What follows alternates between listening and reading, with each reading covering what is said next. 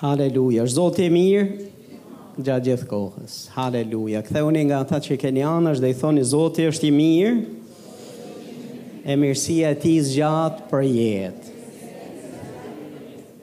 Haleluja. E para e Pjetrit kapitulli 1 vargu 15 deri në 16, pastaj e dyta e Timoteut 2 vargu 19 deri 21, Në fakt do lexojmë veç vargun nëntëmbëdhjetë për momentin dhe pastaj do shikojmë atë mesazh që besoj Zoti e ka për kishën sot, e ka për ne sot. E para e Pjetrit, një vargu 15, thotë, por ashtu si është i shenjtë ai që ju thirri, të jini edhe ju të shenjtë në gjithë sjelljen tuaj. Sepse është shkruar, Jini të shenjtë, sepse unë jam i shenjtë. Këtë thotë shkrimi i shenjtë, këtë thotë Perëndia për ne. E dyta e Timoteut, kapitulli 2, vargu 19, thotë, megjithatë themeli i fortë i Perëndisë qëndron i patundur dhe ka këtë vulë. Zoti i njeh të vetët dhe le t'i largohet paudhësisë kushdo që përmend emrin e Krishtit. Mesazhi që kam për sot është jini të shenjtë sepse ai është i shenjtë. E di, nëse do të ishte vetëm kjo e vetmja arsye për të qenë të shenjtë është arsye e mjaftueshme. Po unë do t'ju flas edhe për Disa arsye të tjera, të cilat janë me shumë peshë dhe me rëndësi, pse ne duhet të jemi të shenjtë. Por në fillim ne shohim që është themeli i patundur i Perëndisë. Në çdo kohë, në çdo situatë, në çdo lloj rrethane, duket sikur kisha pëson ndryshimet e veta, por një gjë është e sigurt, ky është themel, thotë, i patundur. Perëndia nuk e tund këtë themel, ky themel është i njëjtë në Testamentin e Vjetër, është i njëjtë në Testamentin e Ri, do të jetë i njëjtë përjetësisht. Perëndia është i shenjtë dhe ka thirrur popullin e vet në shenjtëri. Dhe ky është një, kjo është e pandryshueshme sepse shenjtëria është pjesë e karakterit Zotit. Perëndia është i shenjtë. Perëndia ishte i shenjtë, Perëndia është i shenjtë, Perëndia mbetet i shenjtë përjetë. Ai nuk ndryshon, kjo karakteristikë e tij nuk ndryshon kurrë. Dhe ai ka thirrur popullin e vet, na ka thirrur ne që jemi thirrur në emrin e Krishtit, ne që njihemi prej tij, ne që e kemi vulën e tij, na ka thirrur të jemi të shenjtë, Sepse Ai është i shenjtë. Ktheu nga ai që ke anash dhe i thuaj, Ji i shenjtë. Sepse Ai është i shenjtë. Po pastor, çfarë është shenjtëria? Më lini t'ju them se çfarë është shenjtëria. Dhe meqë nuk jemi në shkollë të Biblës, ku kemi mundësinë që të kemi 12-13 mësime, Unë do t'ju jap vetëm përkufizimin sot dhe nëse jeni të interesuar për t'u thelluar më shumë, ka plot libra atje dhe kemi plot vite përpara bashkë dhe do i bjerë kur t'i bjerë radha që të merremi dhe të thellohemi më thellë në këtë subjekt jam i sigurt që do japim më shumë shpjegime. Po më lini t'jua them cili është përkufizimi i të qenit i shenjtë.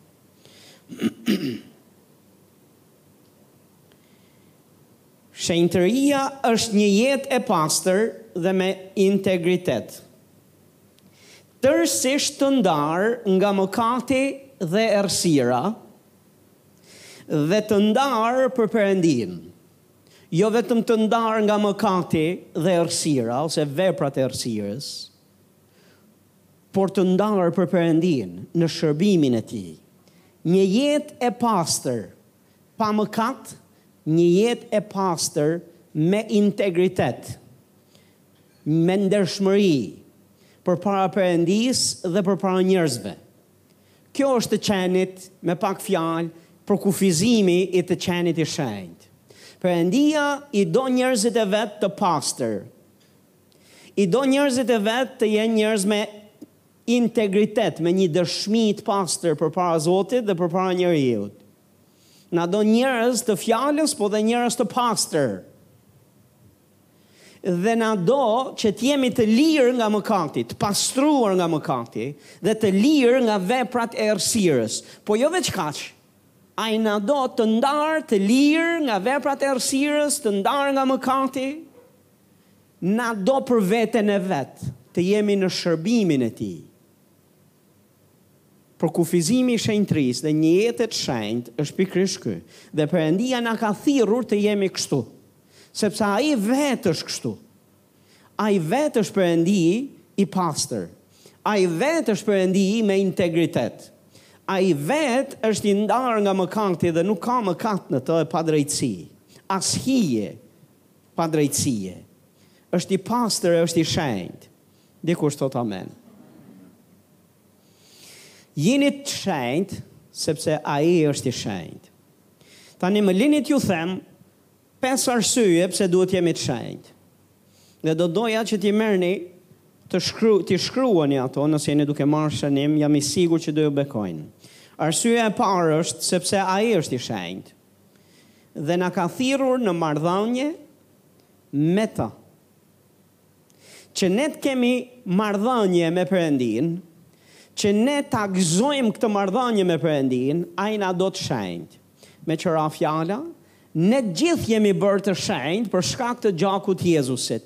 Perëndia na ka dhënë shenjtërinë, momentin që i thamë po Jezusit, Ai na ka shenjtruar me gjakun e Tij, Ai na ka shenjtruar në emrin e Jezusit për shkak të veprës së sakrificës në drurin e kryqit dhe na thërret të gjithëve shenjtorë. Letrat e Apostujve janë plot me këtë gjë, thotë shenjtorëve të Korintit, shenjtorëve të Efesit, shenjtorëve të Tiranës. Shenjtorëve të Perëndisë, ne jemi shenjtorë të Zotit. Jemi bërë shenjtorë për shkak të gjakut, për shkak të kryqit, për shkak të veprës Perëndisë. Që do të thotë na ka pastruar. Që do të thotë na ka çliruar nga errësira, na ka çliruar nga mëkati, na ka çliruar nga pushteti i të ligut dhe na ka çliruar dhe ndarë veçantë për kënaqësinë e vet. Na ka ndarë veçantë për të hyrë në marrëdhënie dhe miqësi me të. Qëllimi i pastrimit tonë, qëllimi i shenjtrimit tonë është pikërisht për këtë gjë, që të jemi të Tijët, të identifikohemi me të, t'i përkasim Atij dhe të jemi në shërbimin e Tij. Ai na ka thirrur në marrëdhënie me veten e vet. Jini të shenjtë, thotë Fjala, sepse Unë jam i shenjtë. Arsyeja e parë pse duhet të shenjtrohemi dhe të jetojmë një jetë të shenjtë është sepse shenjtëria është karakteristikë e Perëndisë, karakteri i Tij, Ai do të kemi të njëjtin karakter në mënyrë që të kemi marrëdhënie me ta dhe marrëdhënia jonë të jetë pa, e pasfiduar, pa mure ndarëse, pa pengesa. Nëse duam të kemi një miqësi dhe marrëdhënie me Perëndinë, është e pamundur ta kemi pa shenjtëri, e pamundur ta kemi në duke ecë në papastërti, duke ecë në në në një jetë pa integritet dhe ndershmëri. A jeni duke dëgjuar? Është e pamundur. Më lini t'ju lexoj disa vargje, të cilat janë në fjalën e Zotit. Çfarë thotë e para e Pjetrit 1:15, po ashtu si është i shenjtë ai që ju thirri, të jeni edhe ju të shenjtë në gjithë sjelljen. Domethënë, e gjithë sjellja jonë duhet të jetë e shenjtë, që do të thotë, duhet të jemi të pastër në sjelljet tona, të brendshme edhe të jashtme. E dyta e Korintasve, kapitulli gjashtë, do t'ju lexoj vetëm vargun gjashtëmbëdhjetë dhe tetëmbëdhjetë, po janë edhe pak vargje më lart të cilat flasin po për në të njëjtën rrjedhë. Shihni se çfarë thotë te Korintasit. Dhe po të lexoni me kujdes, këtu është apostulli Pal që nuk është duke i folur jobesimtarëve. Është duke iu folur kishës. Dhe është duke iu thënë pak vargje më lart thotë ju jeni jo se jeni të ngushtë në zemrat tona, po jeni të ngushtë në zemrat tuaja. Thotë dhe do ju drejtohem thotë si fëmijëve të vegjël. Dhe pak më poshtë i drejtohet dhe u thotë për ç'afri, ç'lidhje, ç'harmoni ka një besimtar me një jobesimtar, tempulli i Perëndisë me një tempull idhujsh, ë.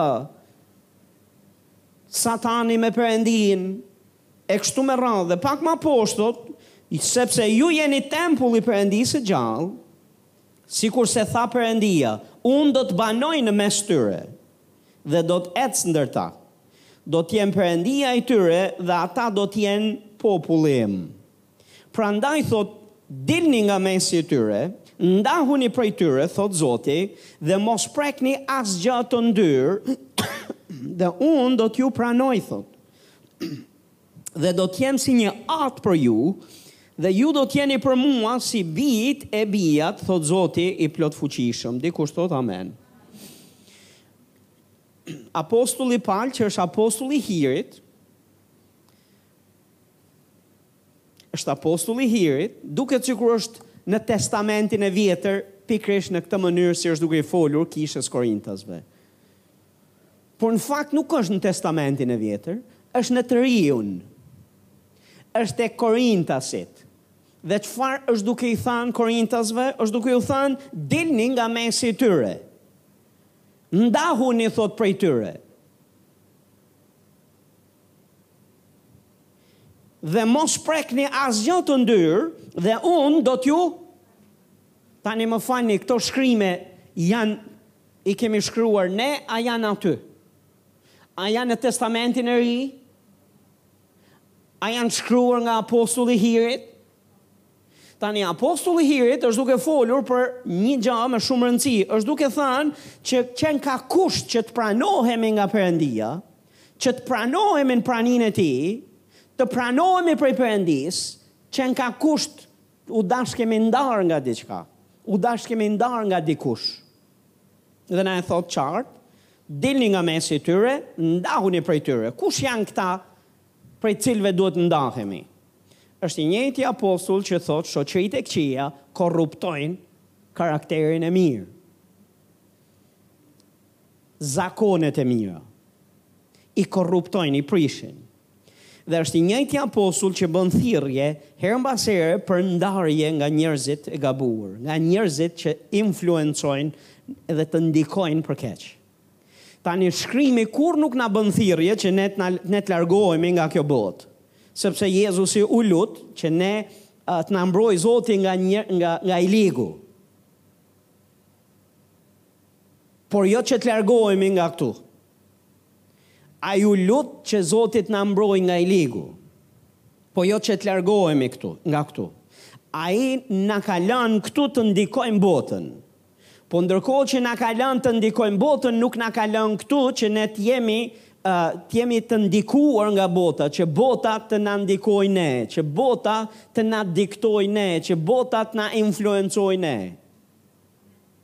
As në sjellje, as në motive, në asnjë, as në dukje, as në zakone, në asgjë që ne bëjmë, ne nuk duhet të ndikohemi nga bota dhe të ndikohemi nga i ligu, por ne duhet të ndikojmë botën edhe të mposhtim të ligun. Për këtë jemi lënë në këtë botë. Po ka njerëz të cilët ne i kemi në jetën tonë, të cilët janë njerëz që janë tërësisht të dedikuar e tërësisht, plotësisht të pushtuar nga errësira dhe veprat e errësirës dhe janë tërësisht të ndarë nga Perëndia. Me ta, thotë shkrimi, nuk mund të kesh lidhje. Me ta, thotë shkrimi, nuk mund të kesh harmoni. Me këta, thotë shkrimi, s'ka gjë që të afron. Prej këtyre thotë ndahu. Prej këtyre thotë largohu. Nuk është duke thanë mos i ndiko ti, po është duke thanë që po i pe si miq dhe si shokë dhe ke një marrëdhënie të ngushtë me këta njerëz aq sa ata të influencojnë ty, ata të gëzojnë ty, me ta ti ke harmoni, me ta ti ke lidhje, me ta ti ke afri, në qoftë se ti ke këtë lloj flirti me botën thotë Jakobi, atëherë je në armiqësi me Perëndinë. Kjo gjë do të ndikojë direkt në marrëdhënien tonë tonë me Perëndinë. Dhe që ne të kemi marrëdhënie me Perëndinë, ne nuk mund të jemi edhe me Perëndinë të lidhur, të afër, në harmoni, të pretendojmë për intimitet e miqësi me të dhe në të njëjtën kohë të jemi të lidhur, intim në harmoni dhe në afri dhe në lidhje me botën. Njerëzit ne i duam, por sistemin e kësaj bote, sistemin e korruptuar të kësaj bote, ne nuk duhet ta përqafojmë dhe nuk duhet ta lejojmë të na të bëhet pjesë e jona. As në mendime, as në veprime, as në sjellje, as në dukje, as në motive. Në gjithë sjelljen tonë ne duhet të jemi të shenjtë. Dikush thotë amen. Por është kusht, thotë Perëndia, që unë t'ju pranoj, ju keni nevojë të ndaheni dhe të largoheni prej tyre. Ama se se ka me gjith mend Perëndia këta. Perëndia pastor, lavdi Zotit, Perëndia na pranon me anë të gjakut të Jezusit dhe për shkak të Jezusit, për shkak të hirit, është Është apostulli i hirit që e thotë këtë gjë, apo? Nuk e harrojmë këtë pjesë. Domethënë, apostulli i hirit është duke që o ka apostull që flet për fuqinë e gjakut e që flet për efektet e besimit te ky gjak, o kush? Po është i njëjti apostull që është duke thanë, ndahuni prej tyre, sepse thotë Zoti e kështu do t'ju pranoj. Dhe çfarë thotë tjetër? Dhe do të jem si një at për ju. O, lavdi Zotit, pastor! Ai është ati ynë qiellor për shkak besimit te Jezusi. Po, mor pastor, po a do të të trajtojë ai si at? A do të të trajtojë ai të, të, të luajë rolin e tij si at për ty? Se është një gjë që ti të Është një gjë që të kesh Zotin si atin tënd qiellor, si figurant, dhe është tjetër gjë që ai të luajë rolin e tij si at për ty dhe për mua.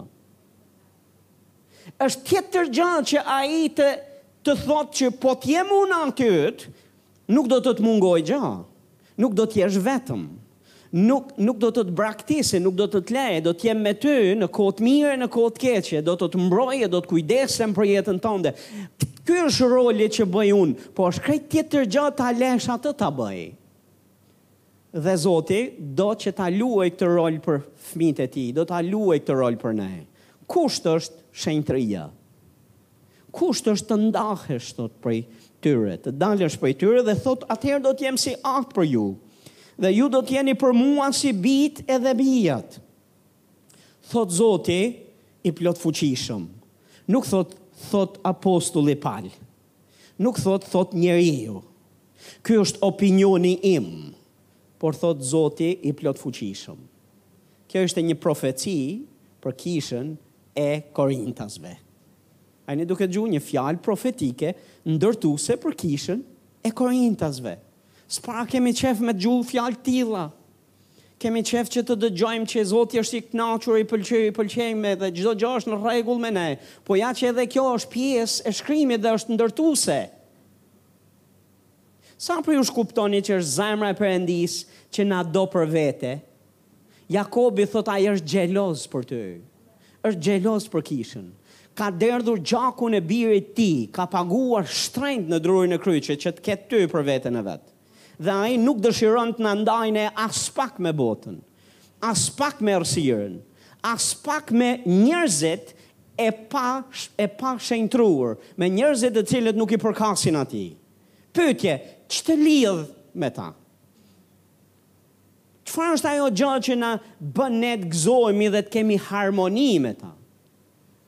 Ç'janë ato gjëra që na zbavisin kur jemi rreth e rrotull tyre dhe me ta? Ç'është ajo gjë që të shtyn edhe shtyn një besimtar që të largohet nga njerëzit e besimit, nga familja e besimit, se aty nuk gjen harmoni, nuk gjen dot veten, por e gjen veten atje jashtë? Pastor, ka një gjë që s'shkon.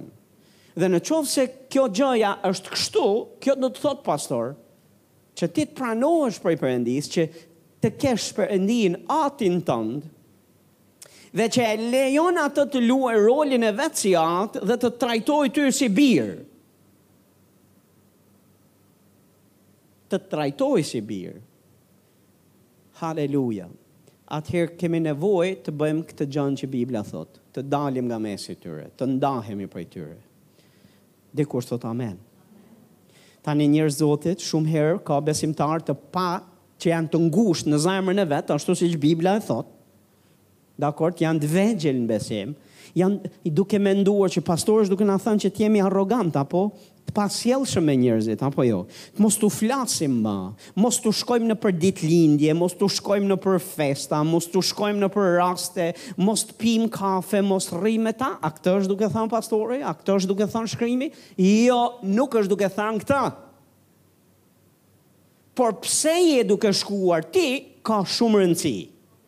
Çfarë je duke pritur dhe kërkuar dhe çfarë pret dhe kërkon prej këtyre njerëzve, këtu është problemi pastor. Këtu është e gjithë, këtu është e gjithë situata. Këtu është e gjithë çështja. Pse po shkon ti dhe a je duke shku ti për t'i ndikuar ata? Apo janë ata duke të ndikuar ty? Pastor bëje një pyetje. Kur rri me ca njerëz, si del, afrohesh më afër Perëndisë, a largohesh më larg tij? A je më i, domethënë janë formuar dhe forcuar më fort zakonet e mira frymore për t'iu afruar Perëndisë dhe familjes së Zotit, apo i ke prish edhe ato zakone që i ke, ose e gjen veten n'luftë me to. Si është e folura jote kur del nga prania e tyre? Flet më shenjtë, më pastër, fjalët e tua janë fjalor i pastër, fjalor bible, apo janë fjalor banal? Si është e folura jote? Pastor, e folura ime? E folura ime është e tillë, pastor. Më lër të ta shpjegoj se si është e folura ime. Deri tani, deri në atë kohë nuk flisja për tjerët, po që nga ajo kohë kur takohem me X-in apo X-en, ne marrim nëpër gojë gjithë kishën. Dhe kam marrë vesh ca gjëra që s'i dija. Dhe kemi folur për X-in dhe Y-in në kishë, se ç'bëjnë e ç'kanë e si kanë qenë e si janë e si do të jenë. E lamë njërin, kaluam te tjetri, kaluam te tjetri, i dimë tani të gjitha. Wow, pastor. Këtë ke këtë ke mësu? E di mbaj mend një një herë një rast në në shërbesë në Thumanë. Nuk e harroj Titullin e mesazhit. Titulli i mesazhit është me kë ke ardhur sot në kishë. Ky është titulli i mesazhit. Dhe kisha nxjerr një foto të madhe ku ishte ishte një njeri që ishte ulur në karrige dhe kishte një elefant gjigant të ulur në krah me veten e vet. Dhe gjithë kisha qe duke pa, po shihnin atë elefantin atje, dhe po shihnin edhe, edhe po dëgjonin edhe atë çfarë unë kisha për të thënë.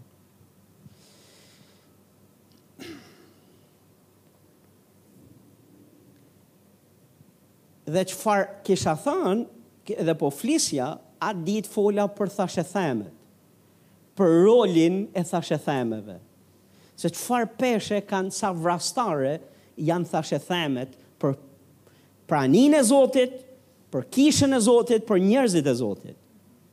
A e dini se në shkrimin e shenjtë Bibla na flet se vriteshin me gur, ishte urdhëresë në Testamentin e Vjetër që njerëzit që merreshin me thashetheme vriteshin me gur. Pastori beson se kjo është edhe për Testamentin e Ri. Veç se nuk ju vrasim me gurë, po do gjejmë një mënyrë tjetër.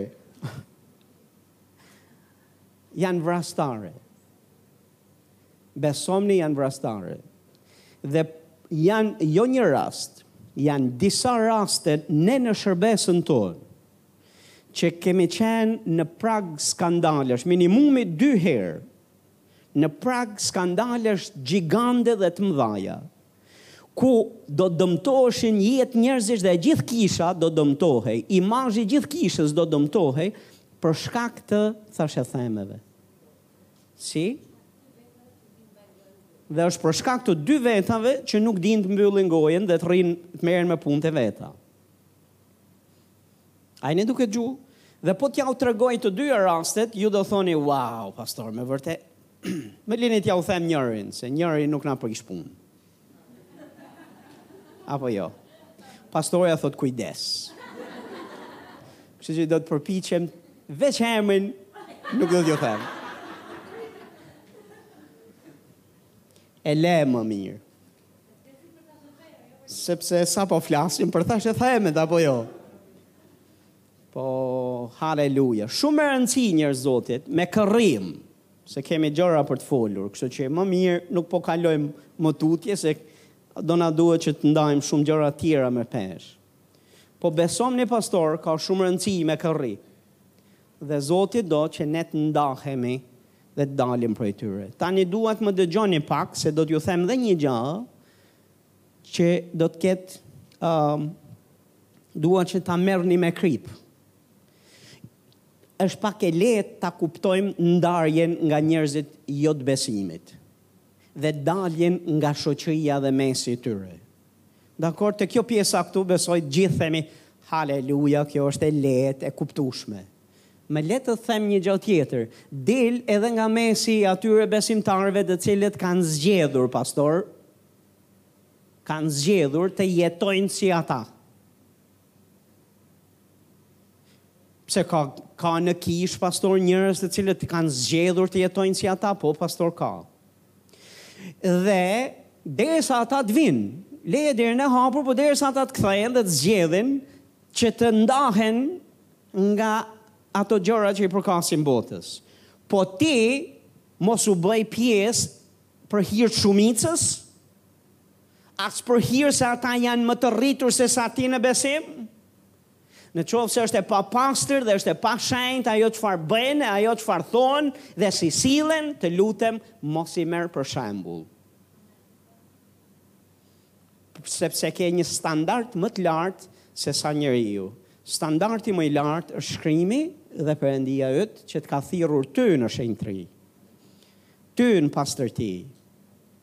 Në qoftë se gjithë kisha do të bëjë, do, do të jetojë në hipokrizi dhe në papastërti, të lutem ti mos e bëj. Ti mos e bëj sepse do shpërblehesh e do marrësh bekimin e Zotit për qëndresën tënde. Dikush thotë amen. Haleluja. Duhet të dalim pra nga mesi i tyre që të pranohemi nga Zoti apo jo. Marrëdhënia jonë me Perëndinë është direkt e ndikuar nga lloji i jetës që ne bëjmë. Ne e dimë që në Testament, që në që në tek Adami dhe Eva. Çfarë i ndodhi Adamit dhe Evës mbasi mëkatuan? Sa prej jush e dini këtë pjesë? Hmm? Po para kësaj ne shohim që ishin në një marrëdhënie Shumë të shëndetshme me Perëndinë. Perëndia vinte i vizitonte, ata e shihnin Perëndinë, dëgjonin Perëndinë, ishin në harmoni me ta, lidhja e tyre ishte e ngushtë, gjithçka ishte paqësore, çdo gjë ishte në rregull, derisa njeriu zgjodhi të mëkatojë, zgjodhi papastërtinë. A është kështu? Dhe pastaj ne shohim të gjithçka që ndodhi, Perëndisë iu desh me vite, me vite, me vite. Dhe iu desh që të dërgonte birin e vet, që të derdhte gjakun e tij për ta kthyer njeriun edhe një herë në marrëdhënie me të, dhe për ta kthyer në shenjtëri dhe në pastërti. Dikush thotë amen. Arsyeja e dytë, një arsye e dytë pse duhet që të ecim në shenjtëri dhe këtu dua të flas pak, sepse kemi hyrë edhe në një fazë ku jam duke ju thënë Perëndia do ta shfaqë lavdinë e vet, do ta zbulojë veten e vet. Dhe kemi qenë duke folur dhe jemi duke folur dhe është në të njëjtën linjë edhe kjo që jemi duke thënë. Por dua që dua që të dëgjoni një gjë. Shenjtëria është kusht për shfaqjen e Zotit, është kusht që ne ta shohim lavdinë dhe shfaqjen e Zotit. Edhe që të qëndrojmë në të. Dhe çdo lëvizje dhe shfaqje e Zotit gjithmonë promovon shenjtëri. Nuk ka shfaqje të Zotit që që promovojnë një gjë tjetër përveç shenjtërisë. Kushdo që çdo ringjallje, çdo rizgjim, kudo ku ka ndodhur, Nëse keni studiuar a keni dëgjuar, ju gjithmonë do të gjeni që Perëndia ka kërkuar shenjtëri, ka promovuar shenjtëri përmes atyre rizgjimeve. Në do të dallosh në është zjarri i Zotit, a është Perëndia dhe shfaqja e lavdisë Zotit apo jo, një nga karakteristikat është ti duhet të shohësh, njerëzit bëhen më të shenjtë, Apo jo? Dhe në qoftë se nuk drejtohen drejt shenjtërisë, pastor nuk është Zoti. Pastor nuk është Perëndia. Sepse Perëndia kurrë nuk, nuk bën gjëra të tjera të cilat promovojnë një gjë tjetër nga ajo çfarë jemi duke folë. Hebrejn 12, vargu 13, thotë, kërkoni paqe me gjithë dhe shenjtrim. pa të cilin askush nuk ka për të parë Perëndinë. Le të themi bashkë, pa të cilin askush nuk ka për të parë Perëndinë. Nuk ka ku shkon ma qartë se sa ky shkrim. Thotë kërkoni shenjtrim. Sigurisht që thotë kërkoni paqe me gjithë, me të gjithë, por thotë dhe shenjtri. Që do thotë të dyja këto duhen kërkuar. Duhet të kërkojmë po me aq ngulm dhe me aq pa, me pasion dhe me me me uh, me gjithë zemër të kërkojmë paqen, por dhe shenjtrimin dhe pse? Sepse thotë pa të askush nuk ka për ta parë Perëndinë. Nëse duam të shohim Perëndinë, lëvizjen e Tij, duam të dëgjojmë zërin e Tij, duam të hyjmë në praninë e Tij, kusht është shenjtëria. Dikush thot amen. Ndryshe thot as kush, që do të thot as nëse je besimtar, as nëse je shërbyes, as nëse je mik kishe, as kush nuk mund ta shohë Perëndinë, Pa shenjtëri. Duhet kërkuar shenjtëria. Duhet kërkuar me gjithë zemër, duhet synojmë shenjtërimin. Pse? Sepse uh, është kusht që të shohësh Perëndinë. Le të shohim një histori në Bibël që është jo jo e padëgjuar prej nesh. Eksodi kapitulli 3, Eksodi kapitulli tre, vargu një, do ju lexoj këto vargje, vargu një deri në vargun dhjetë. Ndërkaq Moisiu thot po kulloste kopenë e Jethros, vjerrit të tij dhe priftit të Madianit. Ai e çoi kopenë matanë shkretirës dhe arriti në malin e Perëndisë në Horeb. Dhe ëngjëlli i Zotit thot iu shfaq në një flakë zjarri, në mes të një ferrishteje, Moisiu vështroi dhe ja që ferrishtja po digjej nga zjarri, por nuk konsumohej. Atëherë Moisiu tha, Tani do të zhvendosem për të parë këtë shfaqje madhështore, pse ferrishtja nuk po konsumohet. Zoti thotë vuri re që ai ishte zhvendosur për të parë. E vuri re Perëndia këtë. Thotë dhe Perëndia e thirri thotë nga mesi i ferrishtes edhe i tha, Moisi, Moisi. Ai u përgjigj ja ku jam. Perëndia i tha mos u afro këtu. Hiq sandalet nga këmbët, sepse vendi në të cilin ndodhesh është vend i shenjtë. Pastaj tha këto fjalë, Unë jam Perëndia i atit tënd, Perëndia i Abrahamit, Perëndia i Isakut dhe Jakobit. Dhe Moisiu thotë fshehu fytyrën e tij, sepse kishte frikë të shikonte Perëndinë. Pastaj Zoti i tha, Sigurisht që e kam parë pikëllimin e popullit tim që ndodhet në Egjipt dhe kam dëgjuar britmën e tij për shkak të shtypësve të tij, sepse i njoh vuajtjet e tij. Kështu zbrita për ta çliruar nga dora e egjiptasve dhe për ta çuar nga ky vend në një vend të mirë dhe të hapur, në një vend ku rrjedh qumështi dhe mjalti, dhe vendin ku ndodhen kananejtë, hitenjtë, amorrenjtë, perezenjtë, hivenjtë dhe jebusenjtë. Dhe tani, ja britma e bijve t'Izraelit ka arritur deri tek unë, Dhe kam parë gjithashtu se si egjiptasit i shtypin. Prandaj eja dhe unë do të të dërgoj te faraoni me qëllim që ta nxjerrësh popullin tim, bijtë e Izraelit, nga Egjipti. Kërkoni shenjtrim, pa të cilin askush nuk ka për të parë Perëndinë. Ja ku kemi Moisiun. Perëndia deshi që t'i shfaqet Moisiut. Ai deshi që t'i shfaqet dhe iu shfaq përmes kësaj shfaqje spektakolare, ne shohim pemën që digjet në zjarr, po që nuk konsumohet, tërheq vëmendjen e Moisiut. Por thotë Bibla kur pa se Moisiu u tërhoq për t'u afruar dhe për të parë, kur e pa që po afrohet, i foli thotë nga pema, nga ferrishtja dhe i tha Moisi, Moisi. Mos u afro këtu. Po më përpara i tha hiqi sandalet sepse kjo ku ke shkelur ti është tokë e shenjtë. Dhe mbasi Moisiu hoqi sandalet dhe iu bind Perëndisë, i hoqi këto sandale, atëherë ne shohim Perëndinë duke folur. Perëndia i zbulohet Moisiut se kush është, Dhe gjithashtu i tregon dhe ndan me të, e bën Moisiun të dëgjojë çfarë Perëndia kishte dëgjuar popullin e Izraelit në ç'gjendje është, Perëndia po flet me po flet me Moisiun dhe po i tregon se në ç'gjendje është populli i tij, dhe menjëherë ne shohim që Perëndia e thërret Moisiun për shërbesë. A jeni këtu? Të treja këto gjëra ndodhin mbasi ai heq sandalet. Dhe gjithashtu ne shohim këtë gjënë këtu që thotë. Shkrimi thotë këtë gjënë, afrohu këtu, prandaj eja thotë dhe unë do të të dërgoj tek faraoni me qëllim që ta nxjerrësh popullin tim bijtë e Izraelit nga Egjipti.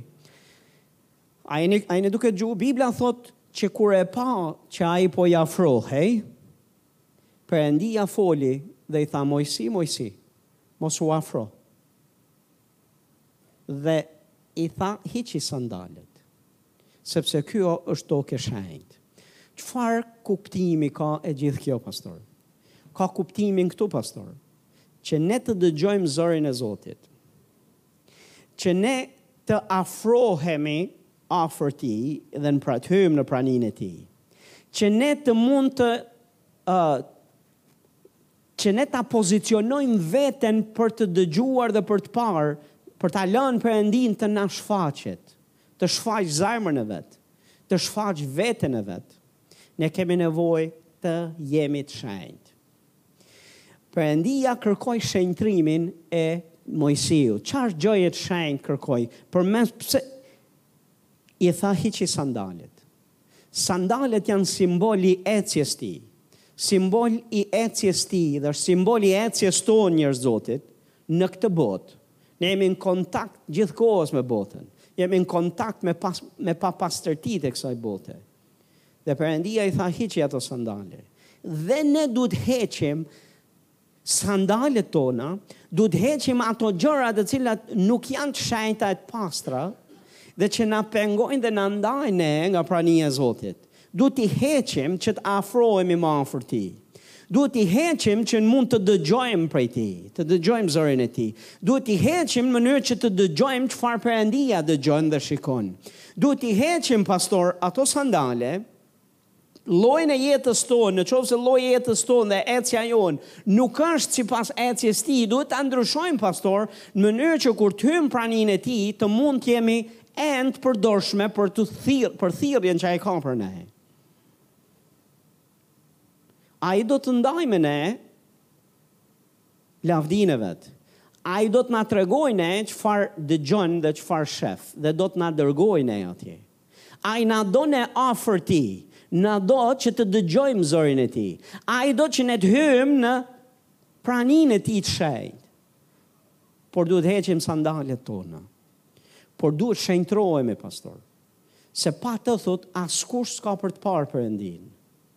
Pa shenjtrim askush s'ka për të parë Perëndinë. Prandaj është kusht dhe ia vlen pastor që të heqim çdo gjë që është e papastër, duhet ta ndajmë veten nga mëkati, duhet ta ndajmë veten nga papastërtitë e errësirës, duhet ta ndajmë veten uh, nga një jetë e pandershme, A jeni duke dëgju? Duhet ta ndajmë veten dhe të jetojmë për Zotin, totalisht të dedikuar ndaj Tij, në ndershmëri e me, me integritet, pastërti përpara Zotit, sepse kjo na kualifikon ne për t'u afruar Atij, për të parë lavdinë e Tij, për të parë Zotin, për të dëgjuar zërin e Tij, për të dëgjuar zemrën e Tij, për të dëgjuar çfarë dëgjon Ai.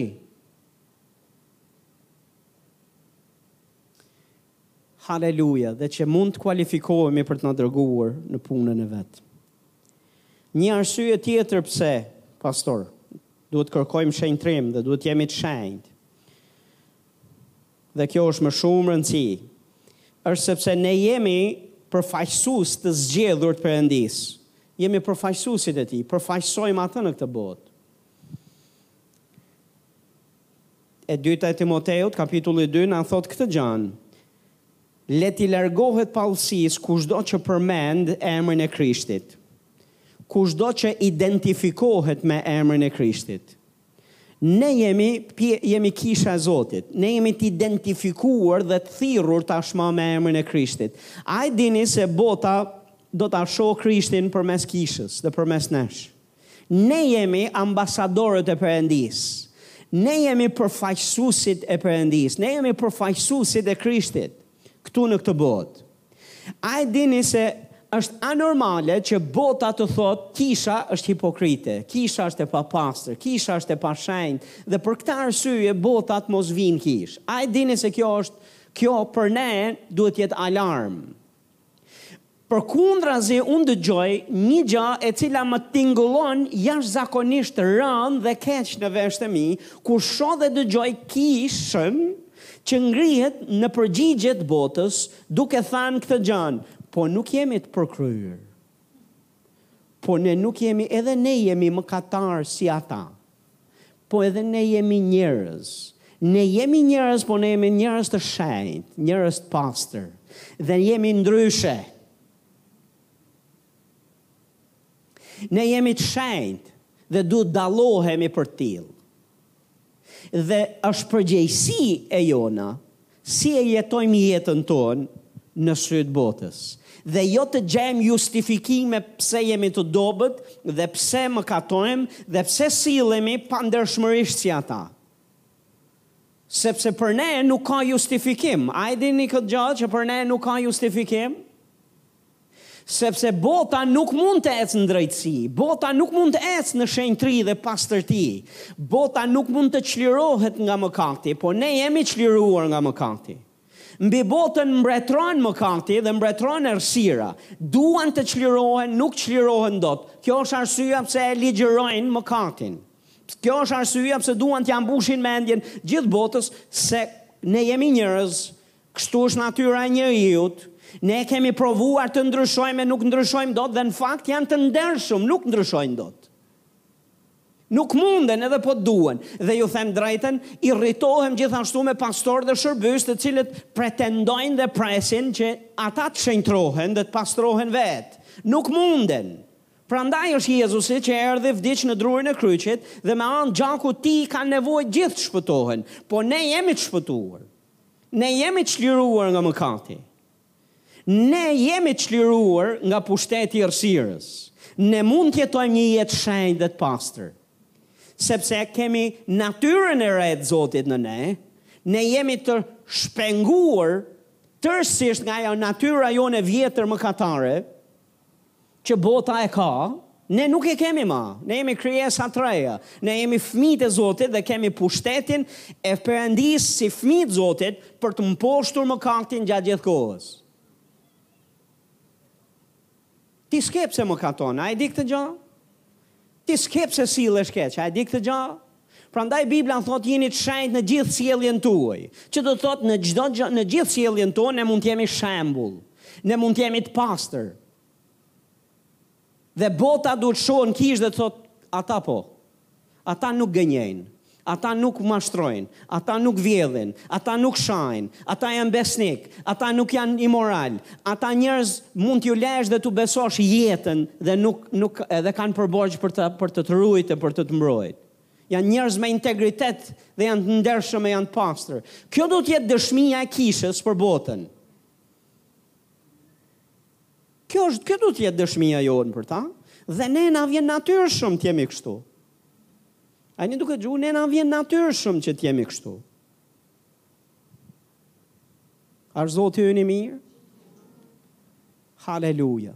Ne na vjen natyrshëm, prandaj thotë Bibla, duhet të jemi të shenjtë. Pse? Sepse identifikohemi me me Krishtin. Njerëzit nuk i afrohen Zotit për shkak të të krishterëve. A e dini këtë gja? Për shkak të besimtarëve, të stilit të jetës që ne bëjmë. por mund t'i afrohen për shkak të stilit të jetës që bëjmë. Dhe lutja jonë është që kjo kishë të jetojë shen, me shenjtëri, me drejtësi e pastërti, para Perëndisë dhe njeriut, në mënyrë që njerëzit të mos largohen nga Zoti për shkakun tonë, por të afrohen për shkakun tonë. Të shohin jetën tënde dhe të thonë, wow, me vërtetë Zoti është i vërtetë, sepse unë të njihja ty, para se të besoje, ti flisje kështu, para se të besoje, ti silleshe kështu, para se ti të besoje, ti mendoje në këtë mënyrë, dhe ti ke ndryshuar komplet je njeri tjetër.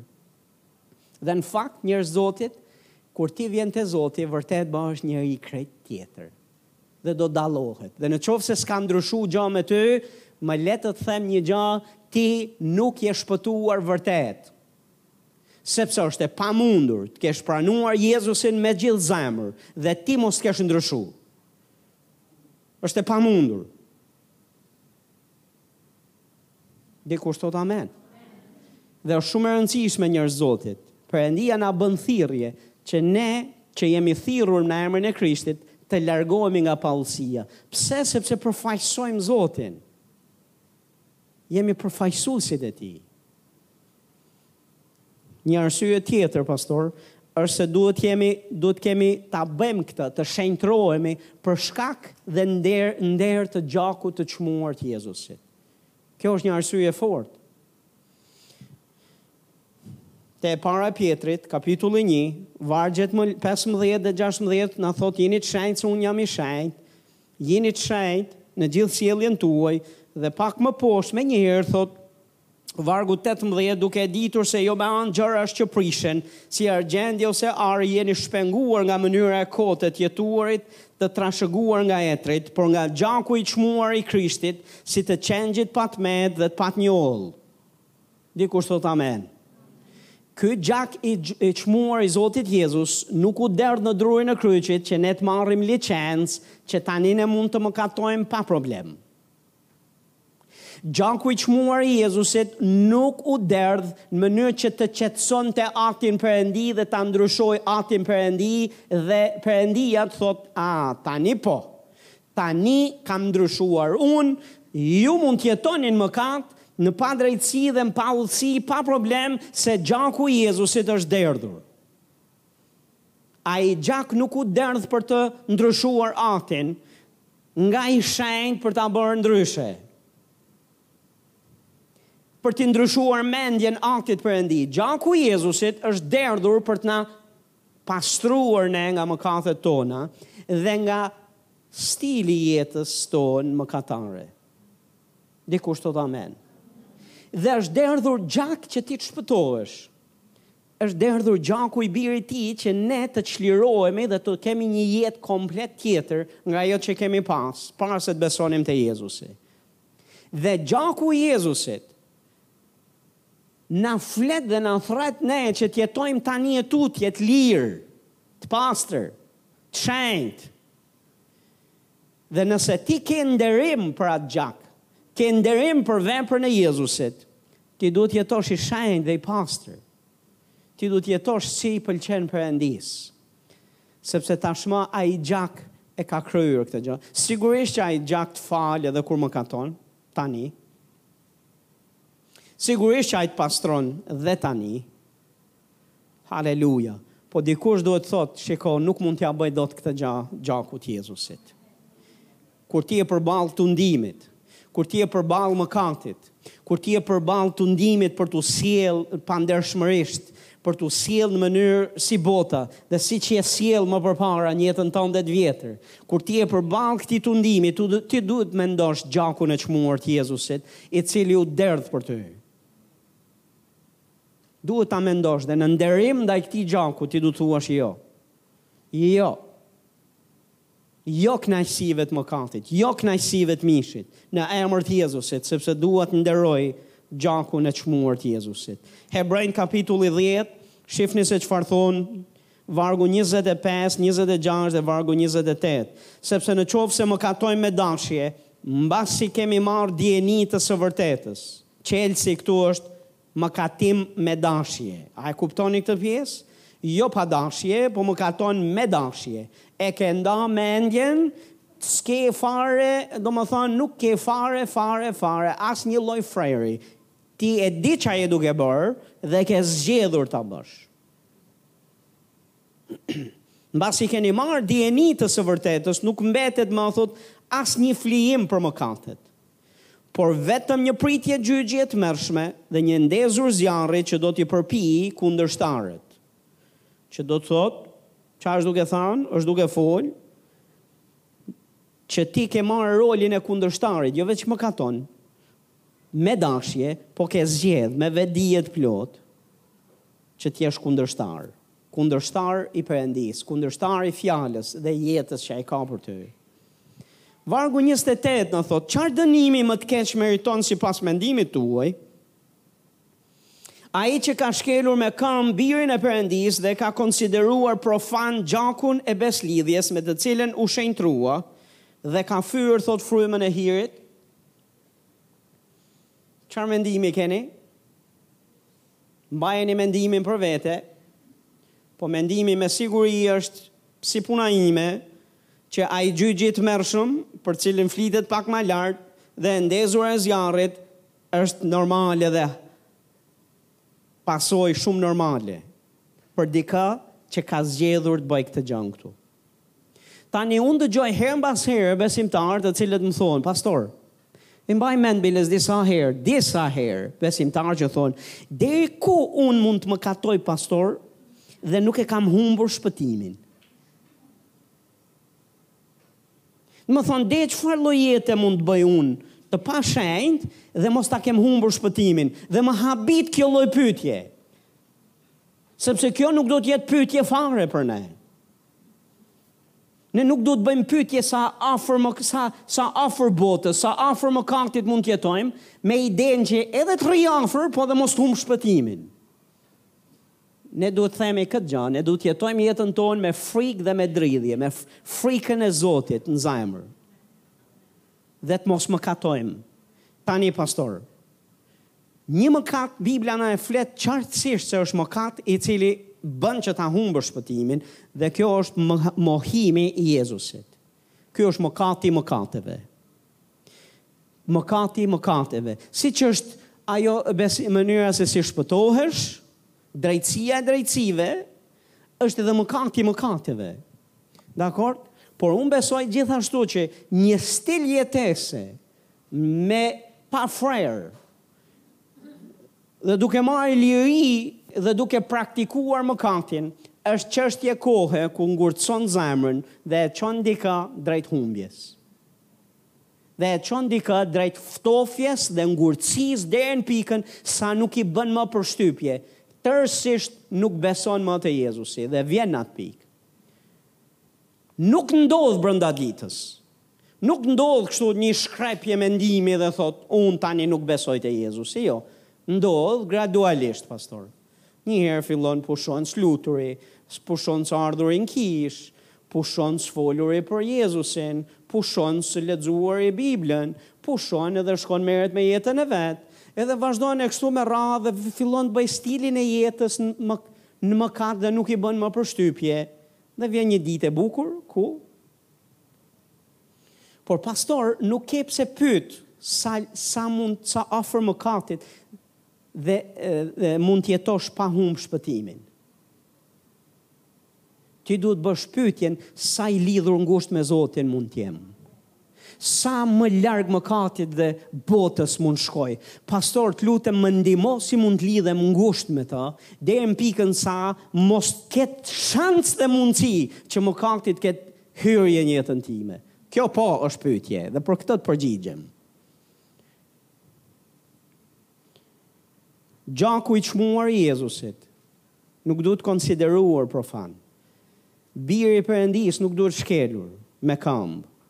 Dhe shkelet me këmbë, pastor, dhe fryma e hirit Perëndisë. Perëndia na ka dhënë frymën e hirit. Fryma e shenjtë na ka dhënë Dhe çliron hir po pse ka hir në jetën tonë kjo nuk do të thotë që është liçencë për mëkat. Pse ka vdiqë Jezusi në drurin e kryqit kjo nuk do të thotë që është liçencë për mëkat. Pse u derdh gjaku i Jezusit atje kjo nuk do të thotë që është liçencë për mëkat përkundrazi kjo duhet të na bëjë ne më të përgjegjshëm. dhe duhet na bëjë na bëjë që të jetojmë një jetë të shenjtë për hir të Jezusit, për hir të gjakut, për hir të frymës shenjtë që është në jetën tonë. Dikush thot, a jeni këtu apo jo? Haleluja. Tani njerëz Zotit, sa herë që lexojmë vargje të tilla, ka një kategori, një pjesë e mirë, një pjesë besimtarë që thonë, ja, ky jam unë. Pastor, këto vargje që fole ti tani, se kam mëkatuar unë, pastor, dhe kam mëkatuar me dashje. Tani meqë ra fjala, shumica e mëkateve bëhen sepse do. A je duke gju? Janë dëshira që ti ke aty, tundohesh dhe bie pre. A e shef, pastor? Unë jam ky. Dhe mua jam i bindur që më pret ai liqeni i zjarrit. Dhe këtë që thua ti ç'dënim më të keq meriton, oh, mor pastor ta dish se ç'a dënimi kam unë dhe sa shumë e dënoj veten time për mëkatet që kam bërë unë në jetë, ti nuk ia ke idenë. Dhe sa herë që i dëgjoj vargje të tilla, këto më më domethënë janë janë tërësisht domethënë Do të shpresoj, do doja shumë mos t'i lexoja, mos të ishin Bibël. Dhe ka ca besimtarë që janë këtë kategori dhe janë njerëz që e duan Zotin me gjithë shpirt. Janë njerëz që përpiqen për shenjtëri. Janë njerëz që realisht janë duke bërë maksimumin e tyre për të jetuar një jetë shenjtë dhe të pastër dhe hyn kanë hyrë në këtë dënim, sepse ju mungon pastor dituria e këtij shkrimi, zbulesa e këtij shkrimi. Pastor, nuk humbet shpëtimin lehtë. Dakord, dhe që të bëhesh për gjyq, mbasi je pastruar me gjakun e birit të Perëndisë, është mund i madh. A je duke dëgju, do të mundohesh shumë. Dhe që të vish në këtë pikën, Do të shohësh se nuk flitet veç te hebrenjtë këtu për këtë pjesë, flitet edhe në shkrime të tjera, është duke folë për njerëz zakonisht që janë ndriçuar nga e vërteta, që e kanë parë lavdinë e Zotit, që kanë janë ndriçuar nga fjala e Zotit, që kanë përjetuar lëvizjen e frymës hirit Zotit, dhuntitë e frymës, janë rang Shumë pjekurie dhe janë në rang shërbyesish, të cilët edhe pse janë përdorë nga Zoti dhe janë kanë shijuar frutat e e bekimeve të qiellit, kanë zgjedhur përsëri të mëkatojnë me dashje. Përsëri kanë zgjedhë edhe pse kanë qenë në këtë kategori, jo si gjithë tjerët, po edhe pse në këtë dhe kanë njohur Perëndinë aq shumë, kanë zgjedhur të bëjnë një jetë mëkat. A jeni duke dëgju dhe shumica e besimtarëve nuk janë atje. S'kanë shku hala te pika e tyre për me i njoftë gjithë këto, për me u ndriçu nga kjo e vërtetë. Hala janë në, në ndriçim e sipër, po kur e lexojnë këtë varg ju duket sikur është duke folë për ta. Nuk flet për ty. Por për ty flet një gja. të cilën dua të them, frikë e Zotit në zemër. Dhe kur vjen puna për mëkatin, zero tolerancë. Dikush thotë amen. Këtë është duke thënë ky shkrim për ne. Dikush thotë amen. Mirë, një arsye tjetër pse duhet jemi të shenjtë. Duhet jemi të shenjtë që të kualifikohemi të përdoremi nga Zoti. Sa prej jush doni të përdoreni nga Perëndia? Domethënë, a, a është në lutjet tuaja, Zot më përdor për lavdinë tënde, Zot më përdor për emrin tënd? Sa prej jush doni që t'ju përdor, thash Zoti edhe një herë, t'jua shoh dorën? Mirë, ju që s'e ngritët dorën tani,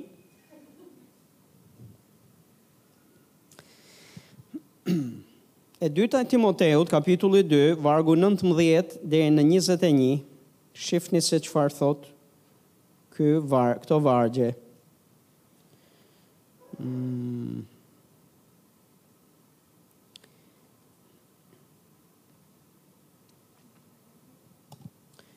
A ka mundësi të na nxjerrni këtu lart paktën se s'po i gjej dot aty. E dyta e Timoteut.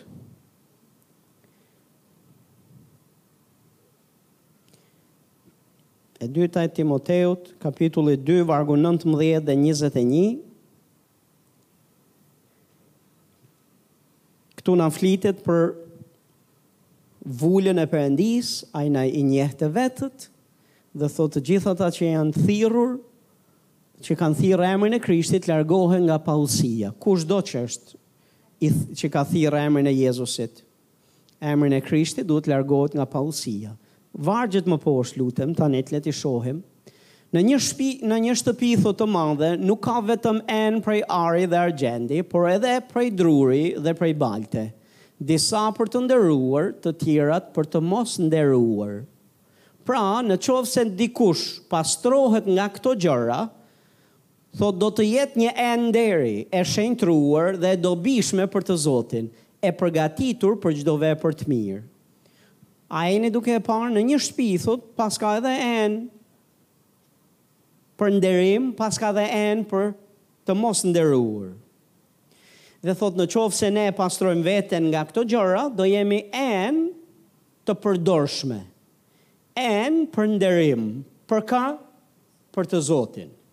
Domethënë, i zoti këtu është i zoti i shpisë, është Perëndia. Ne jem, ne jemi enët e tij. Në qoftë se ne jetojmë një jetë të shenjtë, një jetë të pastër dhe ndahemi nga paudhësitë, ne jemi këto enë të përdorshme nga Perëndia dhe Perëndia do të na përdorë ne për nderim. Do të na përdorë për nderin e tij. Do të na përdorë për lavdinë e vet. Pastor, po pse nuk është duke na përdo, duke përdorur Zoti në këto kohë? Mund të jetë një arsye, pastor, se nuk ka enë të pastra, në enë të shenjta, të cilat nuk janë pastruar nga gjërat të cilat Zoti do që t'i pastrojë. Një nga gjërat që bën përdorja e Zotit është se të bën të dukshëm. Dhe kur të bëjë të dukshëm, do jesh në qendër të vëmendjes njerëzve, do jesh në qendër të vëmendjes errësirës dhe të ligut. Pyetja është a do mund t'ia dalësh testit nëse je në atë nivel, të thuash si Jezusi tha, kur erdhi kur do vinte i ligu, tha nuk ka asgjë në mua. Ai po vjen, po nuk ka asgjë në mua. Domethënë, nëse ai do të vijë të të akuzojë publikisht përpara njerëzve, dhe të jenë në qendër të vëmendjes. Pyetja që kam unë për ty është A je i pastër? A je i shenjtë? A do e nderosh Perëndinë? Haleluja. Dhe Perëndia na do. Dhe Perëndia na do shumë dhe Perëndia e di se në ç'nivel jemi. Dhe ka disa prej nesh që me të madhe i thonë Zot më përdor, Zot më përdor, Zot më përdor dhe Zoti është duke thënë duhet të të pastroj një herë. Dhe që të pastrohesh ke nevojë të futesh në furrë të zjarrit. E të kalosh ca teste, të kalosh ca ca ca ca gjëra të cilat ca prova zjarri. Këtë na thotë tek Jakobi që të të bëjë të qëndrueshëm, që të na pastrojë, që të na bëjë të pa të meta. Ne duam të jemi pa të meta, ne duam të jemi të qëndrueshëm, po nuk duam të futemi në furrë të zjarrit, në furrën e pastrimit dhe rafinimit të Zotit. Po njerëz të Zotit, para se ai të na përdorë, ai punon me karakterin tonë, punon me motivet tona, me sjelljet tona dhe na do të shenjtë. Momentin që ne shenjtrohemi dhe jemi të pastër, kualifikohemi që Perëndia të na përdorë. Sepse na përdor për lavdinë e vet, po dhe nuk na humb ne. Dikush thotë amen. Tani, njerëz të Zotit, ka dhe enë të cilët janë jo për të nderuar. Po ne jemi ata që bëjmë zgjedhjen, simbas këtyre vargjeve. Çfarë ene do jemi, jo Perëndia për ne. Ne jemi ata, sa për Perëndinë, ai e do gjithë kishën e vet, që të jetë enë nderi. Enë që nuk sjell skandale në botë. dhe njihet për skandale, po enë që ka promovu Krishtin e Ungjillin me pastërti e me integritet. Kur i kthej syt sytë mbrapa në të kaluarën, ka plot gjeneralë të Perëndisë, të cilët janë me emër që lindën, jetuan, vdiqën jo të përsosur e të përkryer, po jetuan një jetë të shenjtë e të pastër dhe lanë një trashëgimi që edhe pse kanë shkuar në lavdi sot e kësaj dite janë duke ndikuar jetë njerëzish. Janë duke na ndikuar mua dhe gruan time, ndërkohë që ka plot shërbyes të tjerë të cilët kanë pas ato shpërthimet e tyre, por nga ana tjetër me probleme nderi, me probleme karakteri dhe janë nga ato yje që shuhen shpejt dhe Zoti nuk do yje që shuhen shpejt. Do njerëz të cilët do të shkëlqejnë. Do bëjnë dritë. Dikush thot amen.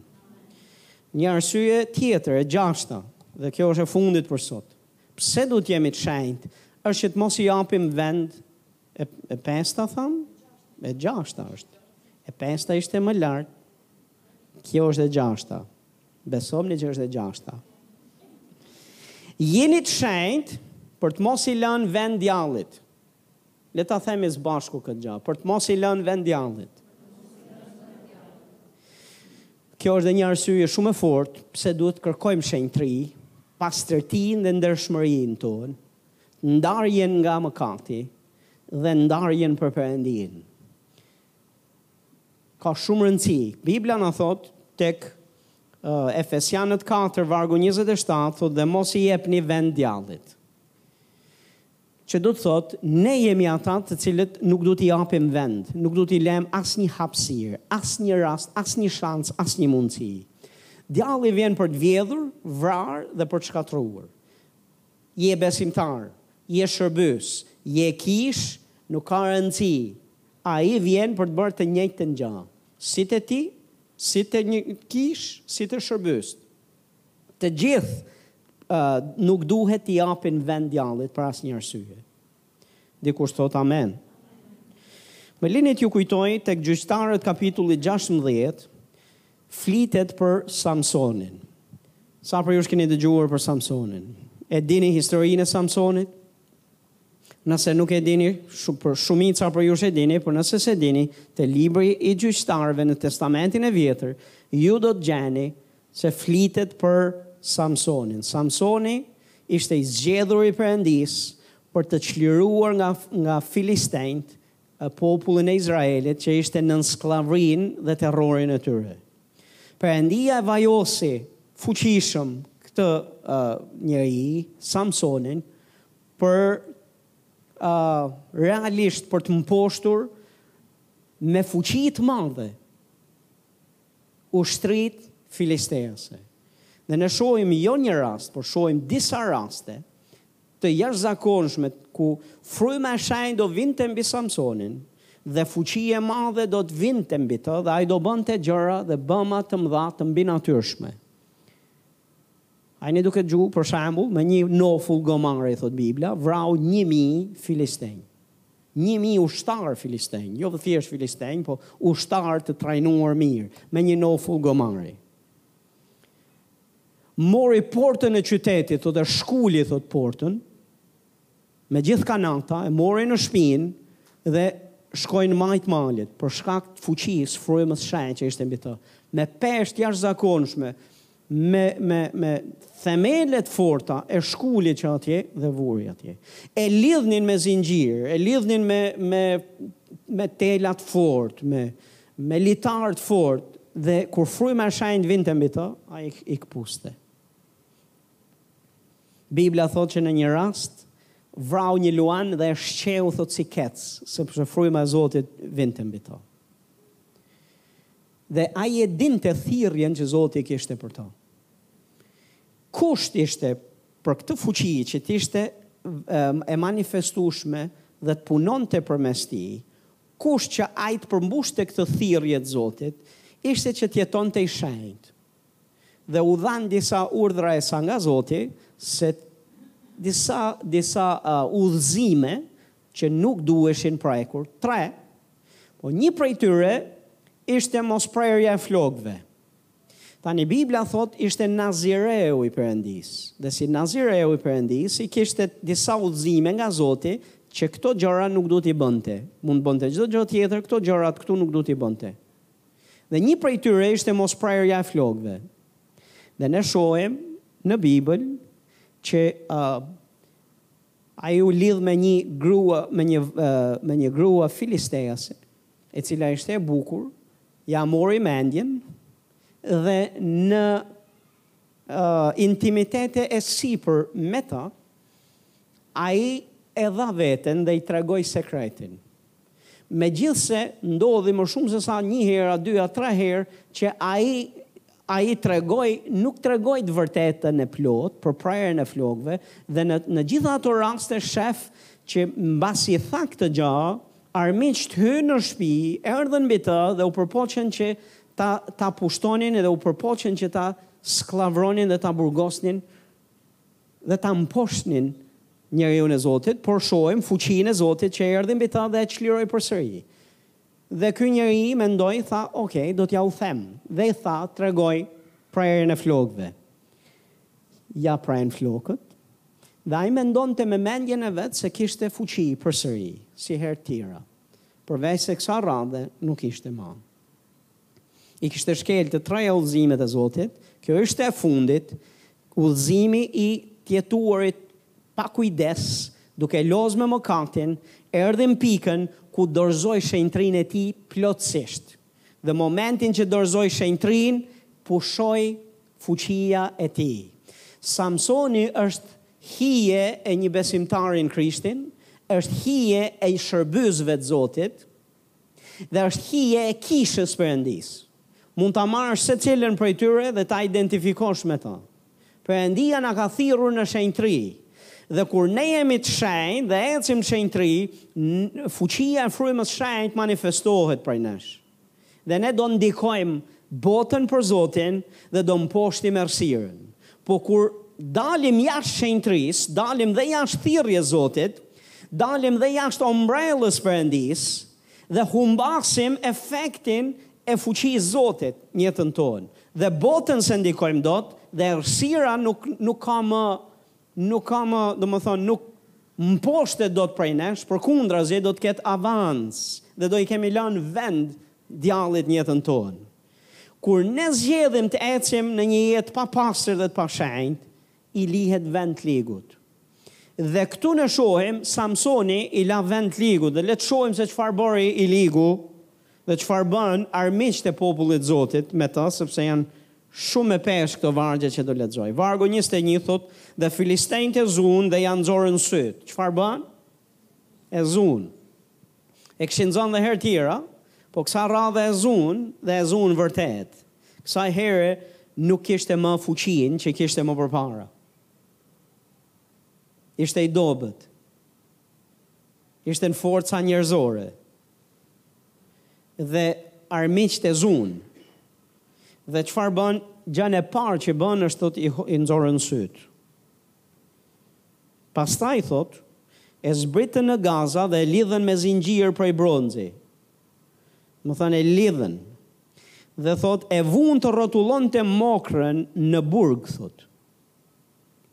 Domethënë, jo veç që e futën burg, po i vendosën një, dhe e bënë që thotë të rrotullojë mokrën. Mokra është guri i mullirit, Imagjinojeni Samsonin e verbër, të lidhur në zinxhirë, dhe e kishin vendosur që të rrotullonte gurin e mullirit. Në forcë e kapacitet njerëzor, kjo gjë është shumë e vështirë për një njeri ta bëjë. Torturë në vetvete.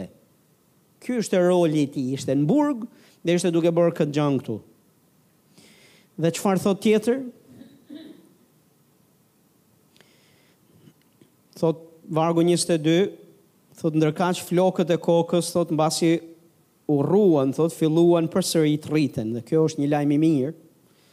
Por gjithsesi vargu 23 thot princat e filistenjve u mblodhën për t'i paraqitur një flijim të madh Dagonit, perëndisë së tyre dhe për t'u gëzuar.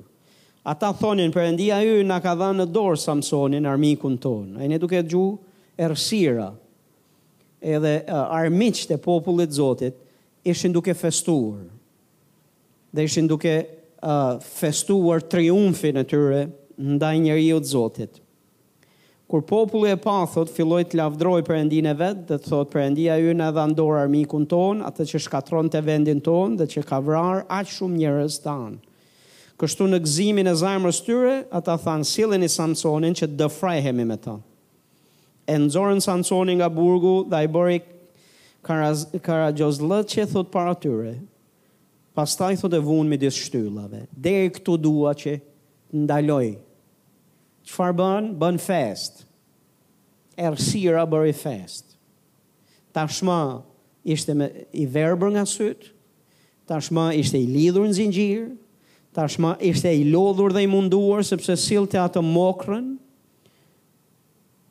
Dhe sikur të mos mjaftonte veç kaq, thotë, por e sollën dhe e bënë që të bënte karagjozllëqe, të dëfrente armiqtë e popullit të Zotit. Kjo i ndodh kishës, kjo i ndodh një njeriu të Zotit, kjo i ndodh një besimtari kur zgjedh të jetojë jashtë shenjtërie. Një jetë të papastër i jep vend të ligut dhe i ligu nuk ka mëshirë sa të mjaftohet se ty ti nuk ke më fuqi për ta ndikuar atë dhe djalli është shumë i qetë dhe thotë në rregull po e le me kaq nuk e le me aq. Synimi i tij është të të zajë ty peng. Synimi i tij është të të lidhë ty në zinxhirë. Synimi i tij është të të verbojë ty, të të humbë shikimin, mos shohësh më. Mos shohësh më në botën frymore, mos shohësh më rrugën nëpër cilën duhet të ecësh. Synimi i tij është që të të vendosë në punë të rënda dhe të të vendosë në cikël rrotullimi. Ka plot besimtarë që cilët thonë, Jam i lodhur, jam i munduar dhe duket sikur s'po bëj progres dhe sikur s'po ec dot. Pse? A di, a di çfarë është duke ndodhur me ty? Është duke ndodhur kjo gjëja këtu. Je në rolin e Samsonit duke rrotulluar atë mokrën dhe je në vend numro dhe nuk po ndodh asgjë. Po kalojnë kohë, po kalojnë vite dhe ti je përsëri në vend numro, je shumë i lodhur, je shumë i munduar, Nuk po bën dot progres Pastor Ka nevojë të të rriten flokët E ke nevojë t'i thrrasësh Zotit për me pendes Dhe të vish në shenjtëri Të dalësh nga ajo gjendje Po çfarë preku Çfarë prekën armiqt Prekën pikërisht këtë gjë Gjën e parë i prekën sytë pastaj e lidhën, pastaj synuan forcën e vet për ta ezauruar forcën e tij, tërësisht, që ai të mos ishte i mirë për asgjë më. Dhe ishte bërë objekt tallje dhe dëfrimi. Ky është synimi i ligut për kishën. Ky është synimi i ligut për ty, edhe për ne si shërbyes Zotit. Që ne të bëjmë karagjozllëqe, Bëjmë palaçon të dëfrehet bota me ne? A jeni duke dëgju? Kur në fakt bota duhet dëgjojë për fuqinë e Zotit në kishë, për fuqinë e Zotit në jetën tonë, për fuqinë e Zotit në jetën e shërbyesve të Perëndisë. Shenjtëria, njerëz Zotit, është kusht. Nuk mund të luhet me këtë mesazh. Ka shumë arsye, apo? Këto gjashtë arsye janë arsye të forta për të jetuar një jetë shenjtë? Të jetojmë të shenjtë sepse ai është i shenjtë dhe në marrëdhënie me të ne kemi nevojë të jemi të shenjtë. Nëse duam të shohim lavdinë e tij, ne kemi nevojë të jemi të shenjtë. Sepse ndryshe askush s'ka për ta parë lavdinë e tij. Ndryshe ti do jesh në kishë, kur lavdia e Zotit do të zbresë mbi vëllezër e mbi motra, e do të jetë zjarri i Zotit duke shkundur e lëvizur duke e shkund këtë vend për lavdinë e vet, dhe ti të jesh si Moisiu që e sheh nga larg dhe ndihesh i tërhequr për të shkuar, po pa heq sandalet nuk do mu- nuk do mund të përjetosh ti lavdinë e Zotit. pa u shkëputur nga bota, pa hequr mbeturinat dhe lidhjet e tua dhe flirtimet e tua me errësirën. Pastor, nuk mund të ecësh më tutje. S'mund ta dëgjosh zërin e tij, nuk mund të marrësh prekjen e pranisë tij, nuk mundesh. Pse? Sepse ai vetë ka lidh veten e vet me fjalët e tij dhe thotë askush, askush do thotë as ti. Dhe gjënë e parë që duhet të bësh është të zgjedhësh të grisësh zemrën tënde në pendesë dhe të vish i shenjtë para Zotit me anë gjakut të Tij. Dikush thotë amen. Haleluja, do ta bëjmë për nder të gjakut të Tij dhe sakrificës së Jezusit. Do ta bëjmë që të jemi ende të përdorshme në duart e Zotit. Që kur ai të thotë kë të dërgoj, ai të gjejë ty. Dhe kur thua Zot më përdor, çfarë je duke bërë për ta mbajt veten të pastër dhe të shenjtë? Çfarë je duke bërë çdo ditë për ta mbajt veten të pastër dhe të shenjtë në gjithë sjelljen tënde? Pastor mos kompromento me asgjë sepse kompromiset që ti bën në kohën kur i li- të ligut do t'i interesojnë, në kohën kur botës do t'i interesojë, do t'i sjellë në sipërfaqe. Do të t'i nxjerrë në dritë. Do të vijë dhe të thotë po kjo këtu, po kjo këtu. Prandaj është shumë e rëndësishme që të ruajmë dëshminë e mirë, të ruajmë veten të pastër në sytë e Zotit dhe në privatësi. Oh. Haleluja. Perëndia do vin, Jezusi do vinte në tokë, para se ai të vinte dhe të shfaqej vet, dërgoi dikë tjetër përpara. E mbani mend kë dërgoi? Gjon Pagëzorin. Cili ishte mesazhi? Pendohuni dhe kthehuni tek Zoti. Pregatisni udhën e Zotit. Dhe çfarë thotë? Luginat, thotë, le të mbushen. Malet e larta dhe kodrat le të sheshohen. Vendet e vështira të dredha-dredha dhe dredha-dredha, thotë, të drejtohen. A e di ça e ka fjalën për këto luginat? Për luginat e ka fjalën për për mëkatet e fshehta pastor që askush s'i di. Për motivet që janë këtu përbrenda, për ato mendime të cilat ne i tolerojmë, jo ato që i ligu i sjell, po ato që ne i tolerojmë në mendjen tonë dhe gjejmë kënaqësi në fantazitë e mendjes që askush nuk sheh dhe nuk depërton aty, por Perëndia na ka thirrur të jemi të shenjtë dhe të pastër edhe në mendime. dhe në motive të zemrës, dhe në fshehtësi dhe në privatësi, nuk duhet të ketë një jetë të dyfishtë, në privatësi për një besimtar dhe në dhe në publik jemi ndryshe, ndryshe në publik, ndryshe në privatësi, ne duhet të jemi të njëjtë të pastër në privatësi edhe në publik. Pyetje, Në qoftë se ti do kishe njerëz Të cilët do të ishin me ty në krah. A ka gjëra për të cilat të vjen zor që ti i bën në privatësi? Që ti i mendon, në qoftë se ti do do i kishe dhe do i do i shihnin ata ato gjëra. A e di që Zoti sheh? A je i vetëdijshëm që edhe djalli sheh? Nuk do t'i japim vend për asnjë arsye. Për asnjë arsye. Këto janë ato lugina që duhen mbush. Po kodrat pastor, po këto malet cilat janë, janë ato mëkatet e dukshme pastor që bëjnë mu. Që bëjnë mu, le të themi bashkë, bëjnë mu. Bëjnë mu. Edhe po flisja një ditë me dika, po jo veç me dika, kam folë me shumë, të cilët kanë të njëjtën mendësi. Është një mendësi mes besimtarëve e tipit të tillë. Ndonëse është e shkruar e zeza në të bardhë se çfarë është e drejtë për t'u bërë, dëgjoj shpesh herë thënien, mua nuk më vrau ndërgjegja që bëra të kundërtën e asaj që është thënë aty. Edhe bën mu që ajo sjellje, ai veprim, është totalisht në kundërshtim me Shkrimin, me Fjalën e Zotit, por justifikimi është mua nuk më vrau ndërgjegja. Madje ka edhe të tjerë që e shohin sjelljen time dhe nuk i vret sjellja ime. Pastor, më lër të të mësoj një gjë që mos ta harrosh kurrë. Ndërgjegja nuk ka përparësi mbi shkrimin. Shkrimi është edukatori i ndërgjegjes. Dhe në qoftë se ti bën gjëra të cilat nuk të vret ndërgjegja që janë në kundërshtim me Biblën do të thotë që ndërgjegja jote është smurë. Ndërgjegja jote është e e ngurtësuar, e damkosur, është bërë e pandjeshme. Dhe ndërgjegja ka nevojë që të që të rimëkëmbet nga fjalë, të edukohet nga fjala e Zotit. Nuk është ndërgjegja që edukon fjalën e Zotit, është mbrapsht, nga krahu tjetër. Është fjala e Zotit që ka përparësi dhe mbi emrin e vet. Ne nuk kemi nevojë që të themi thënie të kësaj natyre. Jo pastor, jo.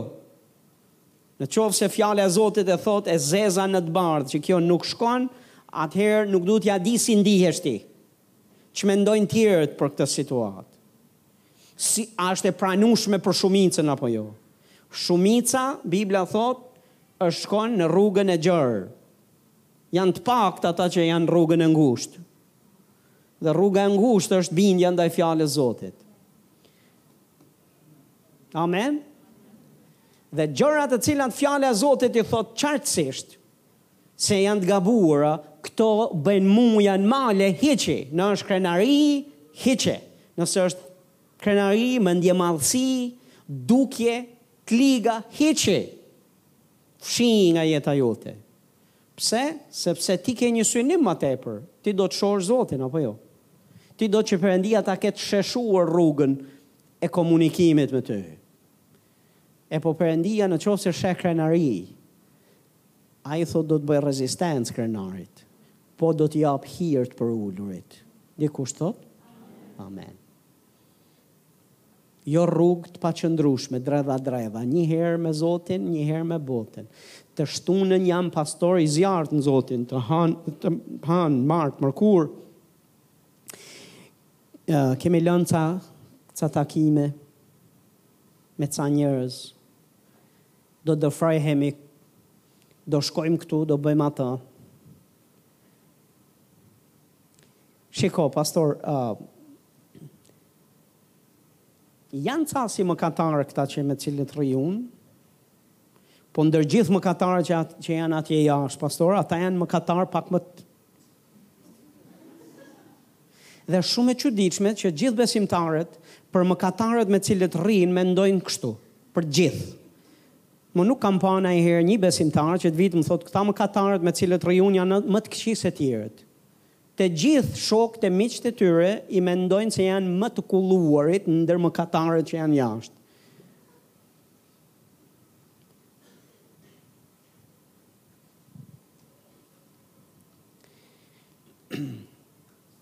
Pastor për t'i kthyer te Zoti. A i ke kthy? A i ke ndiku? Ti tregohu pak i, i, i ndërgjegjshëm me veten tënde. Dhe shife pak rrugën tënde, nëse rruga jote është dredha dredha, është me kthesa, Atëherë mos u habit pastor pse je i dobët në besim, pse gjërat s'po ecin si duhet, pse s'po shkojnë gjërat si duhet, pse sepse e, e ke dredha dredha dhe për shembull kur ec drejt takon Zotin, po kur ec dredh pastor takon tjetër kënd.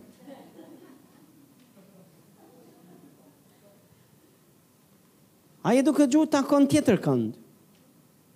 Dëfrajhesh me tjetër gjë, me tjetër kënd. Duhet të ecim drejt, pastor. Drejt. Të shenjt, të pastër.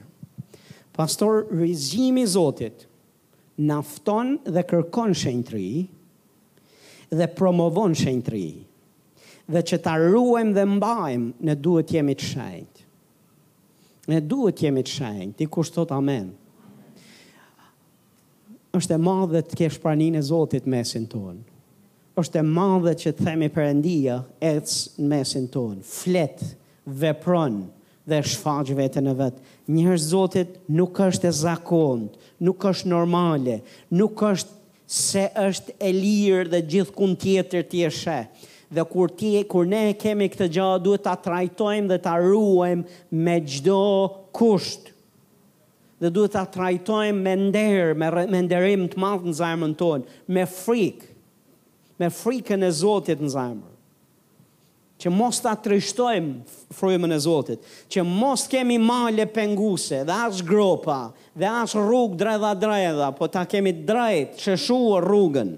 Që Perëndia të flasë lirshëm. T'i kemi të hequra sandalet e kësaj bote. T'i kemi të hequra gjërat dhe sjelljet të cilat s'na kanë hije ma, sepse jemi shenjtruar e blerë me gjakun e Jezusit. Sa prej jush doni të shihni Zotin? Gjithkush. Gjithkush që është i shenjtë. Dhe kërkon shenjtërinë, ka për ta parë Zotin. Bëhu ti ky gjithkush. Amen. Dhe lëre Zotin të të përdorë. Bëhu i përdorshëm për Zotin. Bëhu nderues për gjakun e Jezusit. Haleluja. Përfaqësoje me dinjitet Zotin me jetën tënde, ndër familjarët tu, ndër njerëzit që të rrethojnë, ndër kolegët tu. Nuk është normale të njihesh ti ndër kolegët tu se ti s'je ndryshe nga ata. që ti bën të njëjtat mashtrime si bëjnë që bëjnë ata. Që ti bën të njëjtën lloj jete që bëjnë ata. Po flisnim me pastoren dhe tha një gjë që më tingëlloi jashtëzakonisht shumë dhe po e mbyll me këtë. Ferri është i mbushur plot me justifikime. Dhe thashë ta dëgjoj një herë çfarë ka për të thënë. Edhe po më po fliste nga zemra e saj se atë gjë çfarë për të do të thoshte. Dhe është kaq e vërtetë. Do ketë njerëz të cilët do thonë unë e bëra këtë, mëkatova sepse isha i detyruar, sepse kisha një arsye, sepse Më duhej ta bëja kështu, ëh, ne vjedhim sepse kemi një arsye, ne bëjmë gjëra të gabuara se prapë kemi një justifikim, po a e di që nuk ka justifikim për të bërë gjënë e padrejtë? Dhe s'duhet të ketë fare justifikim. Kemi justifikim pse s'i shërbejmë Zotit, kemi justifikime pse s'bëjmë gjërat që Zoti kërkon, kemi plot justifikime, justifikimi duhet fshirë prej nesh. S'kemi asnjë justifikim për të mos bërë të mirën, për të mos iu bindur Zotit, për të mos bërë atë që Bibla thotë, edhe kur na kushton. Dhe po, pastor, sigurisht që të kushton puna, të kushtojnë shoqëritë, të kushton familja, të kushtojnë njerëz, përkohësisht. Përkohësisht, ama një gjë Një gjë është e sigurt, që nuk do kesh humbur shpirtin tënd, nuk do kesh humbur marrëdhënien me Perëndinë, dhe është çështje kohe kur Perëndia do të të lartësojë ty për ndershmërinë tënde dhe për këtë ruajtjen e dinjitetit tënd për hir të Zotit. Perëndia do të ta kthejë dhe do ta do të të shpërblejë për këtë. Edhe në të natyrshmen, nuk e di për ju, po po të isha unë biznesmen, do doja njerëz të ndershëm rreth meje. Do doja njerëz që nuk ecin dredha dredha. Do doja njerëz të pastër, njerëz besnikë, njerëz të shenjtë, njerëz të cilët nuk bëjnë padrejtësi për asnjë arsye. Edhe nëse ia kërkoj unë. A jeni duke dëgju? Për asnjë arsye, njerëz të Zotit.